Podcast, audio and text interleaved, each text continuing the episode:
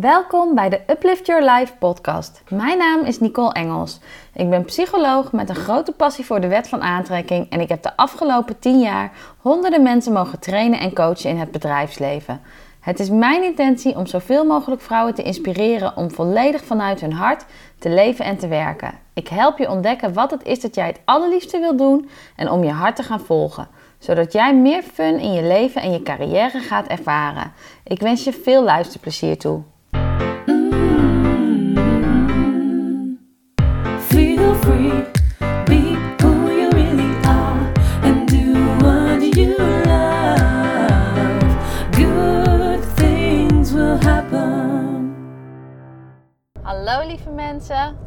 bij deze een, eh, een podcast vanuit de auto. Mijn allereerste podcast vanuit de auto. Maar ik had mijn eh, microfoontje bij en ik had inspiratie. Dus ik dacht waarom niet? En laten we eens kijken of, eh, of dit gaat lukken. Dus ik ben heel benieuwd of het geluid het toelaat en of dat goed genoeg is. Maar ik heb daar wel vertrouwen op. Ik heb zelf ook wel eens als ik podcast luister dat mensen ze opnemen in de auto. Dus ik denk, nou ja, waarom zou het niet kunnen? Ehm, want ik had namelijk net iets super leuks meegemaakt. En ehm, het gaf me ook een heel mooi inzicht. Wat ik heel graag wilde delen. Want ik had net, nou ja, je kunt het niet echt een date noemen, denk ik. Maar ik had een afspraak. Ik ging een drankje doen. Samen met een, ehm, met een man waar ik zeven jaar geleden wel een post mee heb gedate. En dat was een, eh, een collega van mij. Ik zat destijds uh, als trainer zijnde in een uh, marketing uh, overleg over hoe we dingen anders aan moesten pakken. En als je dingen wil communiceren en mensen in beweging wil krijgen. Nou ja, dat was mijn rol als, als trainer, als expert op gedrag in dat team. En dat was een team destijds van mensen uit de organisatie. Um, en um, die organisatie waar ik werkte is wereldwijd. En deze, uh, deze man die was werkzaam als uh, marketingdirecteur in Zurich. En we hadden een hele leuke klik met elkaar. En naar aanleiding van die teammeetings, dan hadden we van die Skype calls en zo. Um, en op een gegeven moment ging hij mij appen. Dus ik was toen, ik dacht oké. En ik vond hem eigenlijk heel leuk. Dus toen ging ik een beetje terug appen met hem. Nou, nou ja, je weet hoe dat gaat. Dan ga je eh, vaker appen. En dan wordt appen een keer zullen we bellen. En nou, dan ga je bellen. En dan heb je hele leuke gesprekken. En dan wordt bellen een keer zullen we afspreken. En uiteindelijk is hij een aantal keer een weekend naar Nederland gekomen voor mij. Ik ben een keer naar Zurich gegaan. Maar uiteindelijk, ja, het bleek niet te werken. Um, dus het is niks geworden. Maar dat is zeven jaar geleden. En nou, hij werkt, uh, hij woont nog steeds in Zurich. En uh, hij appte mij deze week dat hij in Nederland was. En hij zei, heb je zin om wat te drinken met me? En ik dacht van, nou ja, eigenlijk wel. Ik ben wel nieuwsgierig. En wat ik vooral heel erg leuk vond, was om te zien van... hé, hey, het is zeven jaar geleden dat wij elkaar hebben gezien. Um, dus ik was benieuwd hoe het zou zijn als je elkaar nu tegenkomt. En ja, wij zijn uh, wat gaan drinken met elkaar. Ik ben dus net uh, onderweg naar huis. Uh, van, nou ja, ik denk niet dat je het een date kunt doen. Het is gewoon echt een drankje doen met elkaar. Gewoon kijken hoe het gaat. En wat ik zo grappig vond om te merken, was dat de klik die er toen was, die was er nu totaal niet. Dus we hebben echt wel leuk gepraat met elkaar. We waren geïnteresseerd naar elkaar. We hebben vragen gesteld en, en gewoon een leuk gesprek gehad. Maar ik merkte dat ik mezelf af te vragen van... Jeetje, weet je, toen was ik heel erg onder de indruk van deze meneer. En toen dacht ik, wauw, oké, weet je. En, en, en, toen voelde ik het helemaal. En, toen had ik echt wel een soort van kriebels. En nu zat ik te kijken en toen dacht ik van... Nee, ik voelde echt helemaal niks bij. En toen dacht ik, hoe bijzonder is dat? Want hij vroeg op een gegeven moment van... Nou, weet je, wat is er veranderd voor jou de afgelopen zeven jaar? En toen zei ik, nou ja, weet je, ik zeg, ik denk wel dat uh, de Nicole zoals ik nu tegenover je zit, dat dat een totaal andere Nicole is als de Nicole zeven jaar geleden. En toen zei hij, hoezo dan? En nou, toen moest ik er ook echt even bij nadenken. Toen dacht ik, ja, ik ben de zeven, afgelopen zeven jaar zo met mezelf aan de slag gegaan. Ik ben echt tegen mezelf aangelopen. Ik kon grenzen niet aangeven. Ik wilde me altijd aanpassen aan iedereen. Dat was het meisje wat hij toen kende. Ik noem het ook echt meisje. Uh, dat, dat ik heel erg goed kon aanvoelen wat andere mensen nodig hadden. Dat ik me altijd in heel veel bochten wrong om iedereen naar de zin te maken. Totdat dat me op een gegeven moment zoveel gekost heeft dat ik zelf thuis kwam te zitten. En dat ik dacht, ja, dit, dit werkt gewoon niet. Uh, ik moet mezelf centraal gaan stellen. Um, en dat ik zei van, weet je, ik voel me nu veel meer gecenterd, zei ik tegen hem. Ik zeg, ik heb nu veel meer dat ik weet wie ik ben. Ik, ik voel, uh, ik heb vertrouwen in mezelf. Ik heb vertrouwen in mijn kunde. En dat was toen totaal anders. Dus ik voel veel meer rust. En toen dacht ik van, als ik kijk naar wie ik nu ben versus wie ik toen was, dan is het helemaal niet gek dat ik nu tegenover hem zit. En dat ik denk, ik voel het gewoon niet. Want echt, uh, de Nicole die ik toen was, keek met zulke andere ogen. Ik was zo onder de indruk van het feit dat. Uh, ik denk ook dat hij directeur was, als ik eerlijk was. Dat hij uh, mij leuk vond op dat moment. Dus je hoort ook hoe ik er op dat moment nog tegen mezelf aankeek. Um, want nu zou ik me dat veel meer voor, zou ik me dat echt wel voor kunnen stellen. Maar toen dacht ik echt van, huh? Weet je, ik denk, nou, ik, ik was eigenlijk heel erg gevleid door de aandacht die ik toen van hem kreeg. En um, ja, ik vond, ik vond dat we toen hele interessante gesprekken hadden. Ik denk dat ze niet veel anders waren als het gesprek wat ik nu had. En nu dacht ik van ja, oké. Um, en toen dacht ik, hoe is dit eigenlijk niet hetzelfde als wat ik heel vaak tegenkom bij mensen als ze met zichzelf, als ze merken dat ze bijvoorbeeld uh, het werk wat ze doen, dat ze niet meer voelen.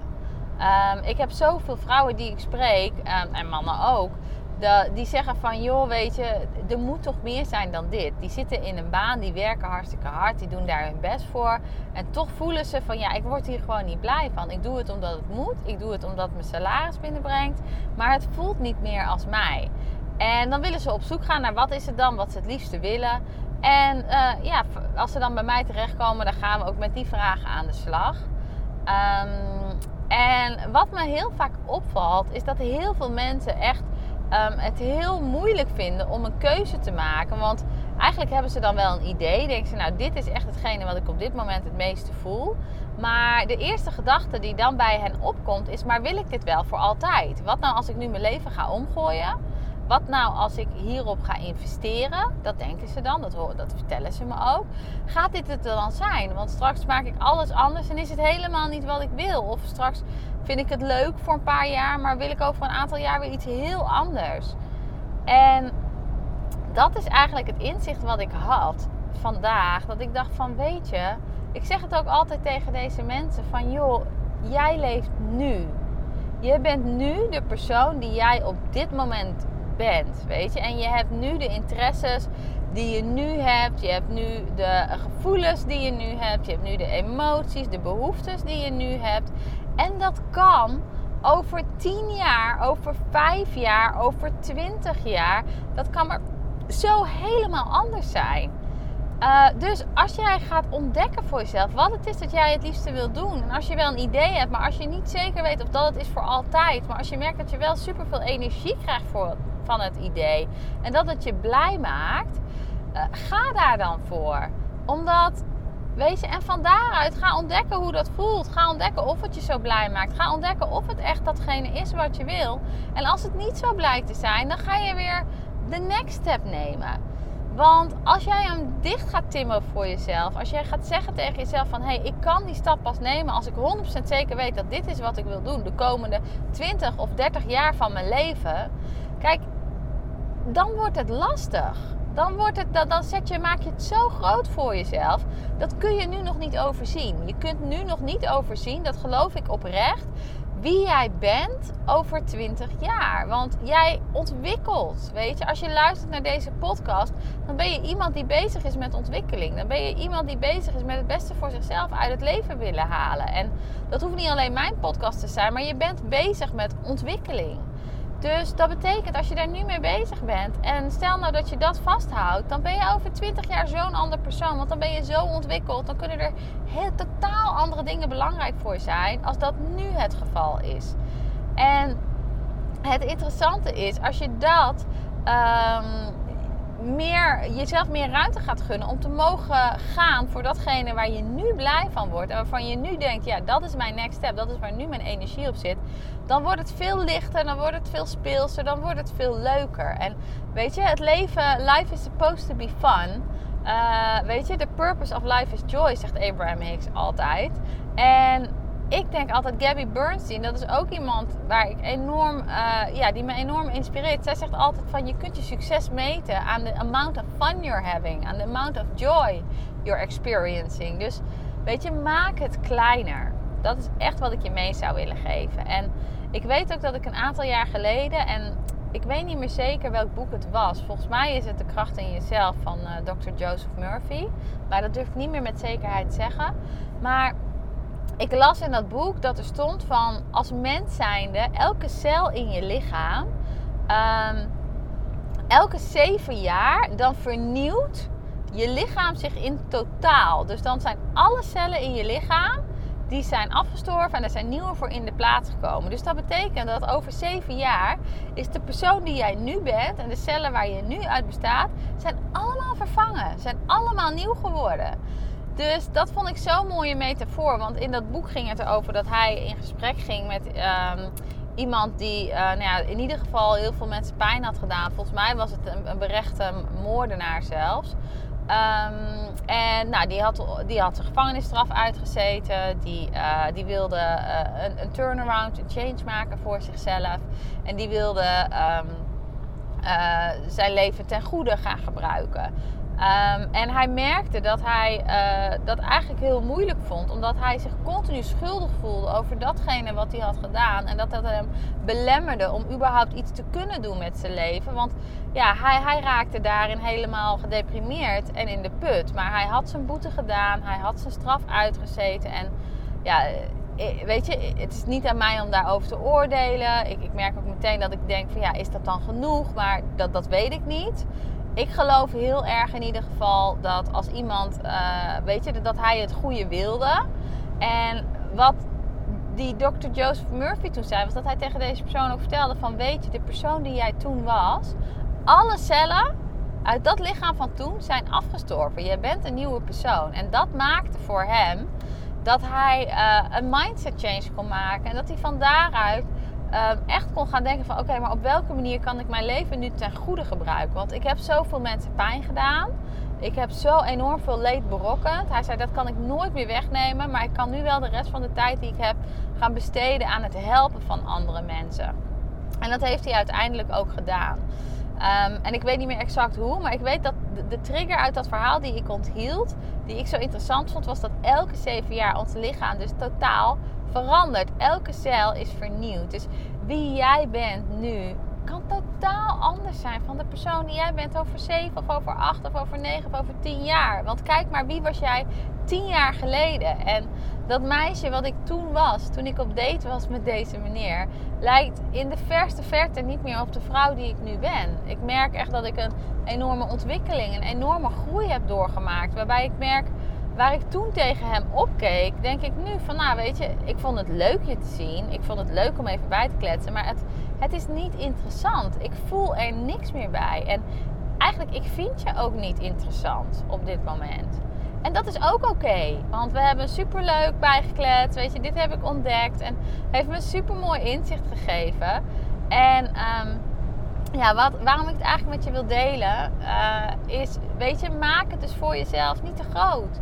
Als jij nu weet van, hey, dit is een next step die ik zou willen nemen, die opleiding zou ik willen doen, vind ik super leuk. Maar is zo'n investering bijvoorbeeld, wil ik het wel echt? Als je merkt dat je nu blij wordt van het idee en dat het helemaal resoneert met je, investeer erin. Misschien doe je twee jaar, misschien doe je drie jaar, misschien doe je er tien jaar wat mee. Misschien ga je de rest van je leven door op dat pad. Maar zo niet. Het is nooit weggegooide geld. Het is nooit weggegooid energie. Het is nooit weggegooid het feit dat je het geprobeerd hebt en dat je uh, geluisterd hebt naar wat je gevoel je nu ingeeft. Want het ene, de ene beslissing leidt tot de volgende, leidt tot de volgende. En zo ontwikkelt je leven. zich. En je kunt je nu echt niet voorstellen waar jij zal staan over 20 jaar. Dus maak het niet te groot, maak het klein. Als je nu weet wat het is dat je zou willen doen, als je een idee hebt, ga stappen zetten op dat pad. Als je hem echt voelt, ga ervoor. En laat je niet blokkeren door het idee: is dat wel echt datgene wat ik over vijf jaar nog steeds wil doen? Wat je leeft nu. Nou, dat is wat ik heel graag mee wilde geven. Uh, ik ben echt super benieuwd wat je eruit haalt voor jezelf, deze podcast. Als je het zou willen laten weten aan me, hartstikke leuk. Kan op de comments onderaan uh, deze pagina. En het kan ook, um, als je via iTunes luistert, dan kun je het ook doen bij iTunes door een beoordeling uh, te geven. Daarin kun je me ook teruggeven wat deze podcast-episode voor je heeft gedaan. Um, zou ik heel erg dankbaar voor zijn. iTunes werkt namelijk zo dat um, uh, hoe meer mensen je een rating geven, dat ze blij worden van je podcast. Uh, hoe meer iTunes je podcast gaat pushen en aan mensen gaat laten zien. En op die manier kun je mij helpen uh, een groter publiek te bereiken. En het is mijn intentie om zoveel mogelijk vrouwen te inspireren. Dus als je me daarbij zou willen helpen, zou ik super tof vinden. Hoe doe je dat? Je gaat naar iTunes, je zoekt Uplift Your Life of je zoekt op Nicole Engels, dan vind je mijn podcast. Dan ga je naar de podcastpagina toe en dan kun je daar een review geven. Uh, dus dat zou super tof zijn. En verder wil ik je voor nu een, um, ja, een heerlijke, heerlijke avond toewensen. En um, want tenminste avond, het is half zeven terwijl ik in de auto zit en deze aan het inspreken ben. Of een heerlijke dag, ligt eraan wanneer je deze luistert. En zeg ik tot de volgende podcast. Ciao!